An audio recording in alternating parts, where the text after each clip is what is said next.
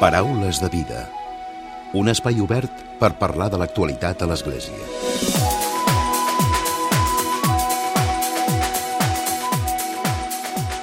Què tal? Salutacions i molt bon dia, molt bon diumenge. Avui us volem parlar d'una eina pedagògica que impulsen des de l'ONG salesiana Bosco Global.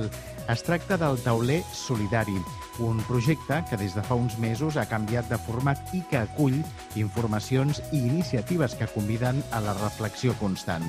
L'objectiu és que a través de diferents seccions es creï un debat per motivar l'esperit crític de les persones que el llegeixin. Però no només fomentar aquest esperit crític, també volen que les persones que entrin al tauler solidari col·laborin en el procés de transformació de la societat. Hi ha seccions com Solidaritat Global o Vides Transformadores. El tauler té com a vocació, té una vocació global que pretén visibilitzar les relacions entre el local i el global, la interrelació i interdependència del que succeeix en el proper i en el llunyà, segons explica Mireia Paez, tècnica d'educació per al desenvolupament a Bosco Global. Ella és avui la nostra convidada juntament amb l'Aina Redondo. Ella forma part de l'equip de redacció del Tauler Solidari. Però abans d'entrar en matèria, us explico que acabarem el programa una setmana més amb el comentari de l'actualitat de Francesc Romeu. Comencem.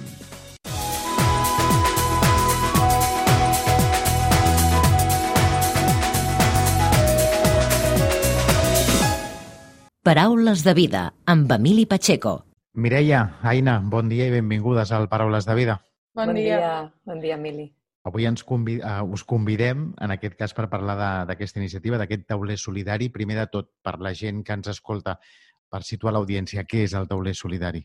Doncs mira, si us sembla, començo jo explicant una mica què és el tauler solidari i, de fet, és una publicació mensual on, on es recull de manera senzilla doncs, diversos recursos didàctics, reflexions entorn de temes globals, i, però també alhora experiències locals de caràcter transformador.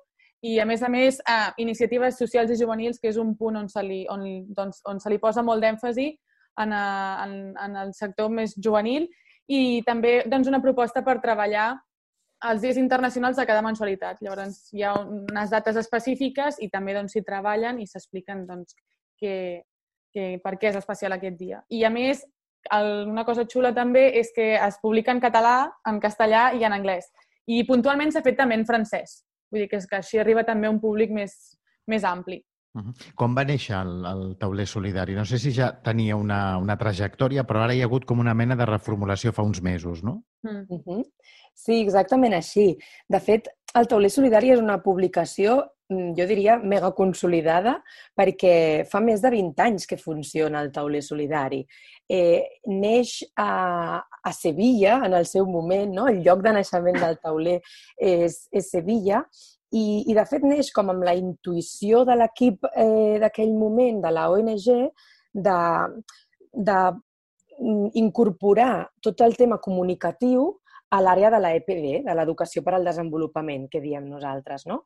Eh, I detectada aquesta necessitat, decideixen que, que han de fer mm, alguna mena de publicació que ara fa 25 anys, ara ens sonarà molt estrany, no? però fa 20 o 25 anys el que es trobaven a les escoles eren els taulers de suro on penjar una publicació i si tu la volies consultar, doncs consultar-la i, i, i neix així, neix de, de fer quatre pàgines eh, sobre, sobre temes d'educació per al desenvolupament per penjar-los als suros de, de les escoles no? en aquell moment. Um, per això es continua dient tauler solidari, perquè hem, hem conservat el nom de, del tauler on, on es penjaria aquesta publicació i, i amb els anys eh, s'ha anat transformant, no? i de fet continuarà transformant-se. Ens agrada dir, perquè és així, que el tauler solidari és un, és un producte viu, és un producte en, en moviment, en construcció. Eh, i, I en aquests últims mesos hem fet una revisió de, dels últims anys del tauler, hem fet eh, un diagnòstic i preguntes a, a moltíssima gent que rep el tauler periòdicament i amb la informació que hem rebut, amb els inputs que hem rebut, doncs ens hem adaptat als nous temps. No? Ara ja fa molt de temps que aquesta realitat del suro ja no existia, s'enviava al tauler en PDF i es distribuïa em, per correu electrònic i per xarxes i de més, però és que, a més a més, ara ja eh, el tauler ha, ha, ha agafat un format digital. No? Ara ja ni tan sols eh, és per imprimir, no és un PDF, sinó que forma part d'un apartat de la, nostra, de la nostra pàgina web, de la pàgina web de Bosco Global, i, i es pot accedir des d'aquí. Des de, des de, de fet, des d'aquest any, no? Em sembla que és el primer any que es fa a nivell... Aquest curs, des aquest del mes curs. de setembre. Des del mm. mes de setembre a octubre ha estat, uh, ha estat la primera vegada que, que neix aquest nou tauler digital, no? o e-tauler, li podíem dir ara, eh, i, i té aquest nou format. Tot i que sí, Mireia, com dius, no? o sigui, és aquest tauler digital, però que a l'entrar t'aboca en els moments no? de, dels centres educatius, aquell tauler de suro, no? aquell en què hi ha les notes penjades o la, la informació per, eh, diguéssim, per la, la comunitat educativa, no? que era del seu interès. Sí, exactament. Així hem volgut conservar, no? només entrar a la pàgina del tauler, aquesta primera imatge com de suro, perquè és l'essència no? de, del tauler, és l'origen, i, i no l'hem volgut perdre, no?, aquesta part.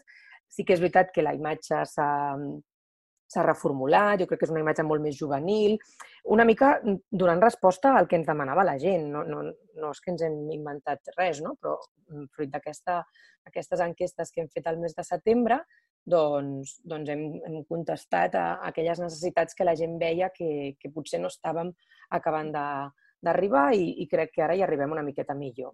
Parlem una mica dels objectius, no?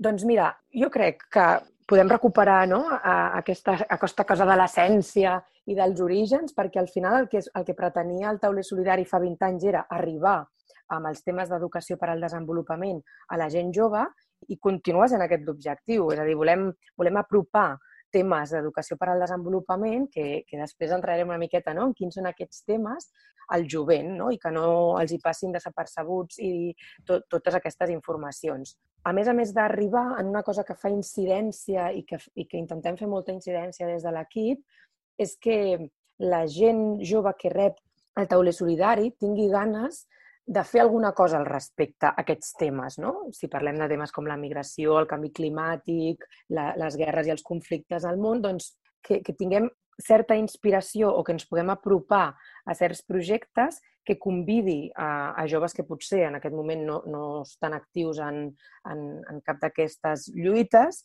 per, per implicar-s'hi.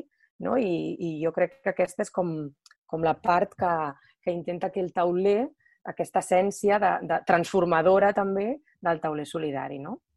Quines són les reflexions que, que heu anat compartint? Aquest any, sobretot, s'ha intentat, eh, s'ha enfocat sobretot en el tema del medi ambient i, de fet, la campanya del curs de l'ONG Bosco Global va dirigida cap a aquest, cap a aquest, doncs, cap a aquest àmbit, cap a, aquest, cap a aquesta temàtica i, per tant, sí que s'ha enfocat bastant com en el medi ambient, tot i que dins de cada, de cada mes hi ha altres temàtiques. O sigui, en general ha sigut el medi ambient, però quan hi entres pots trobar-hi altres temàtiques i altres recursos de, que, que, que són d'un ventall més ampli.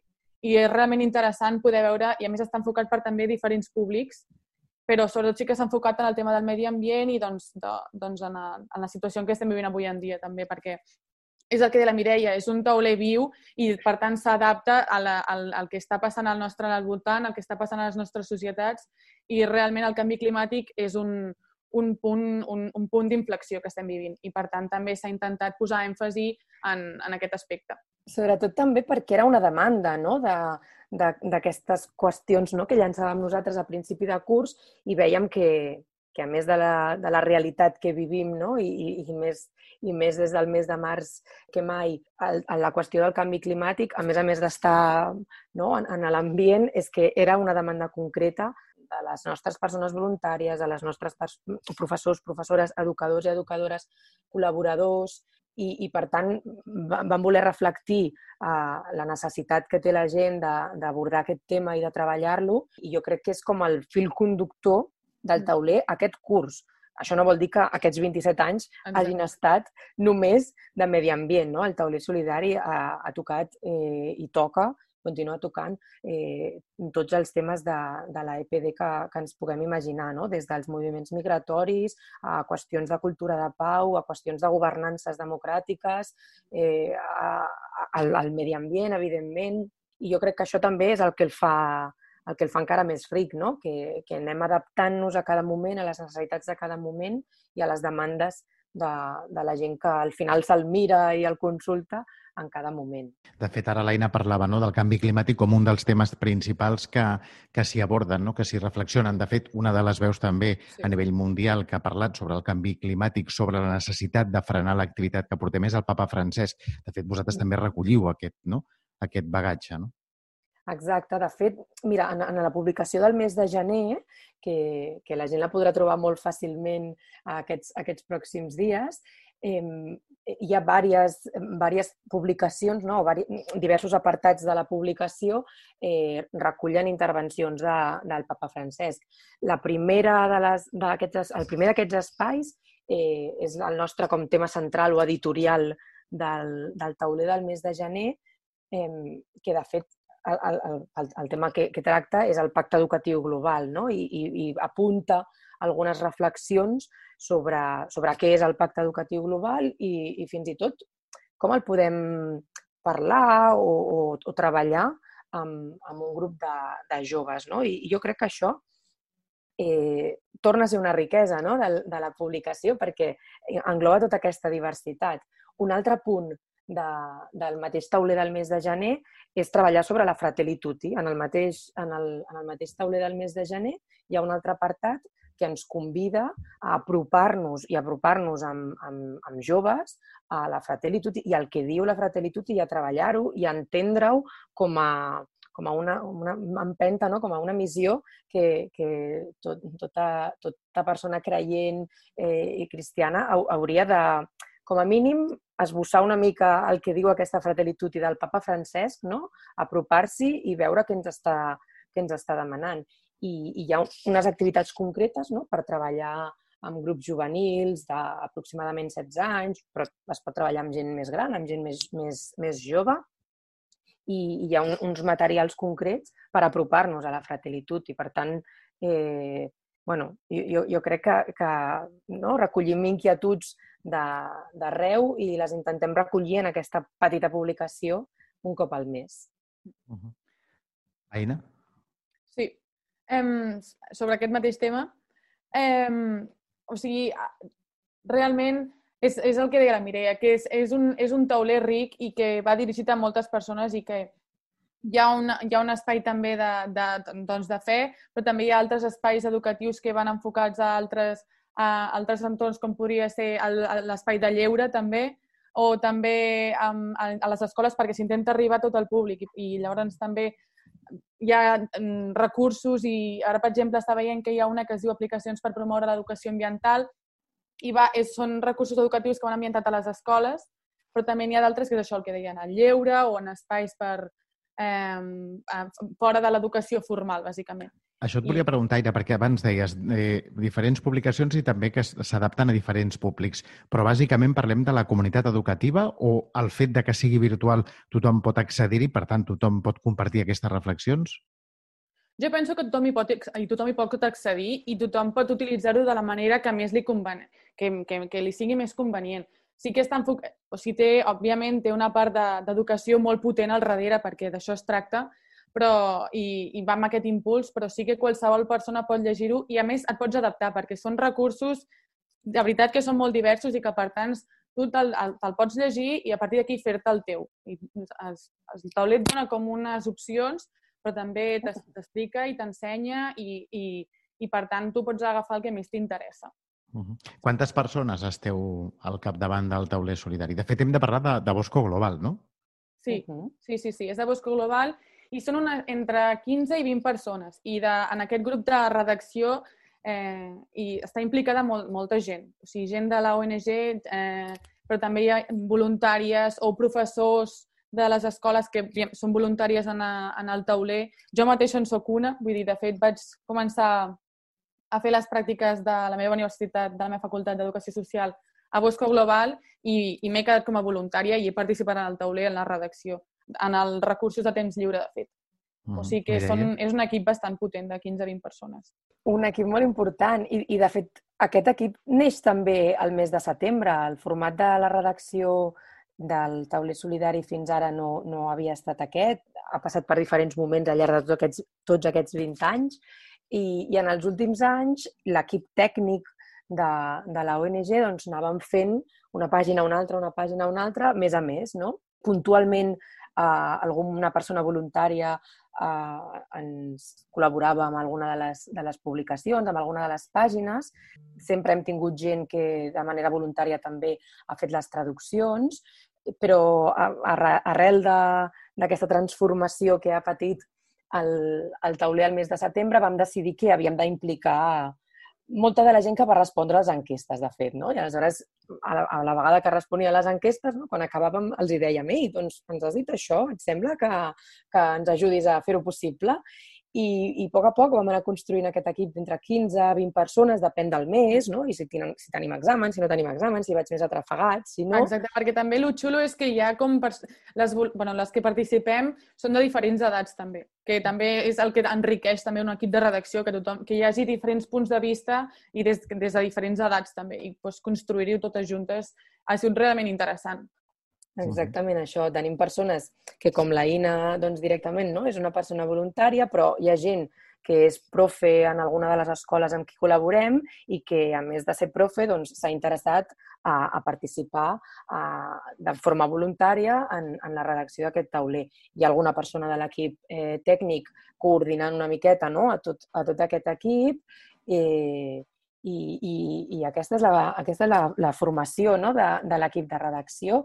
Tot això neix de la ONG Bosco Global, que ara mateix eh, és una ONG que, que mm, és una ONG celestiana, que, que té activitat ara mateix a, a les Balears, a Catalunya, a l'Aragó, a la Comunitat Valenciana, regió de Múrcia, Andalusia, Extremadura i les Canàries, no? tota la franja com una mica mediterrània i, no? i alguna comunitat més així del costatet de la Mediterrània. I, i l'equip de, de la ONG està format per 12-13 persones per tot aquest territori eh, i fem, fem projectes d'educació per al desenvolupament, fem projectes de cooperació internacional i de voluntariat internacional que últimament ho hem hagut d'aturar tot una mica, però igualment eh, el, el voluntariat de l'entitat no s'atura i d'una forma o una altra és el motor de la, de l'entitat i, per tant, hem continuat fent projectes en un altre format, no? No podem viatjar, però fem projectes diferents. Us heu reinventat, diguéssim. voluntariat, Sí. evidentment, sempre. Sí, Mm. així és. I eh, no sé si, abans d'acabar, el- feedback que teniu de, dels usuaris, de les, dels centres educatius, de les comunitats educatives, suposo que és bo, no?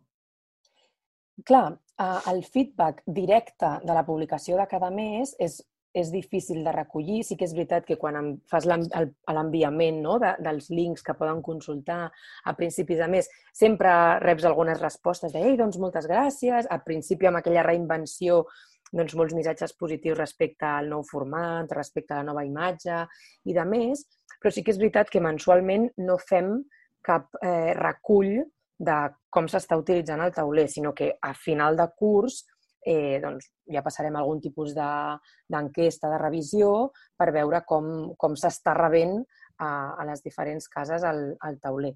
El que sí que estem fent mm, de moment són revisions amb l'equip de redacció. Amb l'equip de redacció, jo crec que cada dos mesos, de fet ara a finals de, finals de gener, no sé si està Sí. al final de gener o principis de Sí, febrer sí. la data, tenim Principis una data de, de trobada de tot l'equip, en què revisarem una miqueta com hem funcionat fins ara eh, i, de fet, farem una breu formació en redacció periodística, no? perquè doncs, moltes vegades la gent que escriu doncs, escriu com, com, com, com escriu i ja està, no? I, i revisar el format com, com estem transmetent eh, totes les informacions, doncs hem, trobat durant aquestes setmanes que pot ser una bona manera de millorar el tauler, no? O sigui que a poc a Mm. poc anem millorant la publicació. Uh -huh. Doncs per acabar, i per la gent que avui ens escolti a través de Catalunya Ràdio, del Paraules de Vida, si tenen curiositat eh, per entrar a la pàgina web, com ho han de fer? Mireu, eh, haurien d'accedir a boscoglobal.org sí? i un cop a... Si posem Sí, hi ha com diferents apartats i un d'ells, un és coneix-nos, l'altre és què fem i el següent és informa't, que dins d'informa't hi ha doncs, altres temàtiques i una d'elles és el tauler solidari. També hi ha el butlletí de notícies, comunicats, però un d'ells és el tauler solidari i l'últim que surt és el del mes que, el de l'últim mes que s'ha Mhm. publicat. Doncs Mireia i Aina, gràcies avui per haver-nos acompanyat i acostar-nos a aquesta interessant iniciativa. Gràcies A vosaltres. Moltes gràcies per acollir-nos i fins aviat. Paraules de vida. L'Església dia a dia. I tot seguit arriba, com sempre, el comentari de l'actualitat de Francesc Romeu. Francesc, molt bon dia. Molt bon dia a tothom. Avui només us anuncio dos documents nous. El primer és el missatge que va presentar el papa Francesc dissabte passat, 23 de gener, vigília de la festa de Sant Francesc de Sales, patró dels periodistes. Es tracta d'una reflexió per la 55a Jornada Mundial de les Comunicacions Socials, que se celebrarà el dia de la solemnitat de l'Ascensió del Senyor, que serà el diumenge 16 de maig d'enguany. El text titulat Vine i ho veuràs, comunicar trobant les persones allà on són i com són, ens convida a fer una comunicació humana més autèntica, que sàpiga estar amb les persones, escoltar-les i recollir les suggestions de la realitat. El papa es plany del fet que el gènere de la investigació i del reportatge perdin espai i qualitat en benefici d'una informació preconfeccionada, de palau, autorreferencial, que és cada vegada menys capaç d'interceptar la veritat de les coses i la vida concreta de les persones. La crisi del sector editorial pot portar a una informació construïda a les redaccions, davant de l'ordinador, en les terminals de les agències, en les xarxes socials, sense sortir mai al carrer, sense desgastar la sola de les sabates, sense trobar les persones per buscar històries o verificar amb els propis ulls certes situacions. El papa francès, com moltes altres vegades ha dit, proposa d'obrir-se la trobada, més enllà de les innovacions tecnològiques. Com a text evangèlic per comentar, el papa proposa el de l'Evangeli de Joan, on s'explica l'encontre de Felip i Natanael per comunicar-li que ell ha descobert a Jesús i el convida a anar-hi tot dient-li «vine i ho veuràs». És el mètode més senzill per tal de conèixer una realitat. És la verificació més honesta de tot anunci perquè, per conèixer, és necessari trobar, permetre que aquell que tinc al davant em parli, deixar que el seu testimoni m'atrapi. El papa ens anima a fer un periodisme com a relat de la realitat, que sigui amb curiositat, amb obertura, amb passió. Com ell diu, hi ha nombroses realitats del planeta, encara més en aquest temps de pandèmia, que s'adrecen al món de la comunicació amb la, amb la invitació d'anar i veure. Dins dels aspectes positius, el papa assenyala que la tecnologia ens dona la possibilitat d'una informació de primera mà. És un instrument formidable que ens responsabilitza tots com a usuaris i com a consumidors. Tots podem convertir-nos en testimonis d'esdeveniments que ens passarien per alt. Podem donar la nostra contribució civil, fer que emergeixin més històries, també positives. Pel que fa a alguns punts negatius, el papa Francesc adverteix dels evidents riscos d'una comunicació social sense controls, on les notícies i les imatges són fàcils de manipular. Davant d'això, no hem de demonitzar l'instrument, sinó recordar-nos que tots som responsables de les comunicacions que fem, de les informacions que donem, del control que junts podem exercir sobre les notícies falses, desemmascarant-les. Tots estem cridats a ser testimonis de la veritat, anar a veure i compartir. Per concloure, el papa francès diu que en la comunicació res pot substituir completament el fet de veure en pròpia persona i ens proposa de buscar l'encontre de persona a persona, de cor a cor, i acaba proposant-nos de facilitar sempre una trobada amb Jesús. Des de fa més de 2.000 anys és una cadena d'encontres la que comunica la fascinació de l'aventura cristiana. El desafiament que ens espera és, per tant, el de comunicar trobant les persones allà on són i tal com són.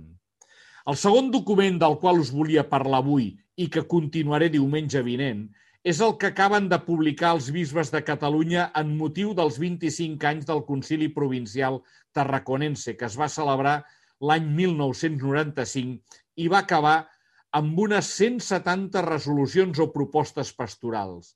El text actual, en forma de pregunta, es titula Esperit, cap a on guies les nostres esglésies? D'una banda, ens ha agradat que els bisbes que hi ha ara a Catalunya reconeguin la validesa que tenen encara aquelles propostes del concili i que valorin tot el que s'ha aconseguit, per exemple, d'obertura de la nostra Església a la realitat social catalana o de la sensibilitat i atenció cap als més pobres. Però, d'altra banda, també ens ha agradat de veure que són conscients que la realitat també ha canviat en aquests 25 anys i encara més en un context de pandèmia i que cal anar molt més lluny en la coordinació i la comunió de les nostres esglésies diocesanes. Molt bon diumenge a tothom! Paraules de vida. Segueix-nos a Facebook i Twitter. Arroba Paraules de vida.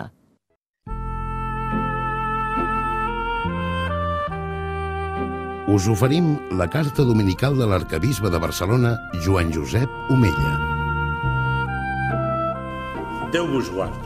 Com cada any, el dia 2 de febrer, l'Església celebra la Jornada Mundial de la Vida Consagrada.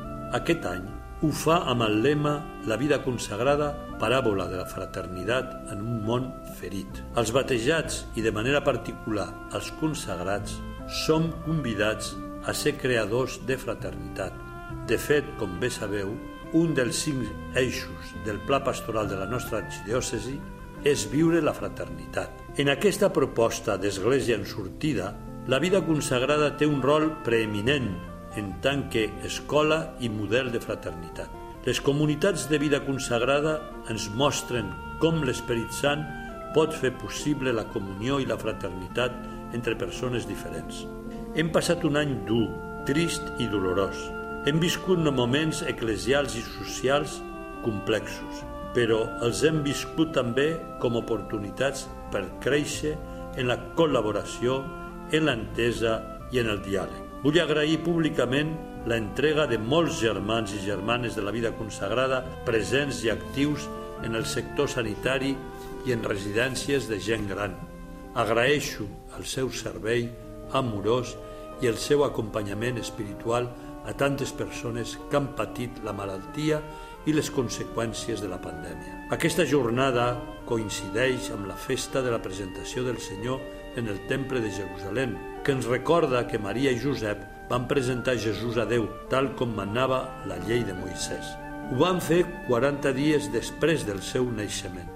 La profetessa Anna i Simeó, home just i pietós, plens de l'Esperit Sant i amb el cor net i lluminós, descobreixen en aquell infant l'obra de Déu, l'arribada del Messies. Vosaltres, germans i germanes de la vida consagrada, dediqueu moltes hores de pregària i de servei pastoral a acompanyar persones en l'encontre amb Déu Pare, Fill i Esperit Sant. Vosaltres feu de l'hospital, de la presó, de l'escola, la residència d'ancians, la universitat, el monestir, el temple on presentar tantes persones a Déu i les ajudeu a descobrir la seva condició de fills i filles de Déu. En la lectura de l'Evangeli d'aquesta festa, Simeó reconeix Jesucrist com a Salvador i llum que es revela a les nacions. I Anna dona gràcies a Déu i el reconeix com a alliberador del poble. El contacte íntim i personal dels consagrats amb les persones de la Santíssima Trinitat els regala una mirada renovada i renovadora del món. Cal, doncs, que ens deixem acompanyar per ells, per participar de la seva mirada, de la realitat amb els ulls de Déu. Ells i elles, amants de la paraula de Déu, ens ajuden a comprendre el sentit de les Escriptures. Els germans i germanes de la vida consagrada, seguint el testimoni de Simeó i Anna, fan experiència de com, de vegades, és llarga l'espera i costerut el camí que porta a l'encontre amb el Senyor. La vida religiosa és un llarg procés de purificació del cor, segons l'esperit de les benaurances, i una sincera ofrena a Déu en el servei atent als germans que pateixen i que es troben desemparats. Gràcies, Senyor, pel do preciós i insubstituïble de la vida consagrada. Beneiu i protegiu tots els seus membres i que la vida espiritual, la fraternitat i el servei amorós no s'apaguin mai en les seves comunitats. Us hem ofert la carta dominical de l'arcabisbe de Barcelona, Joan Josep Omella.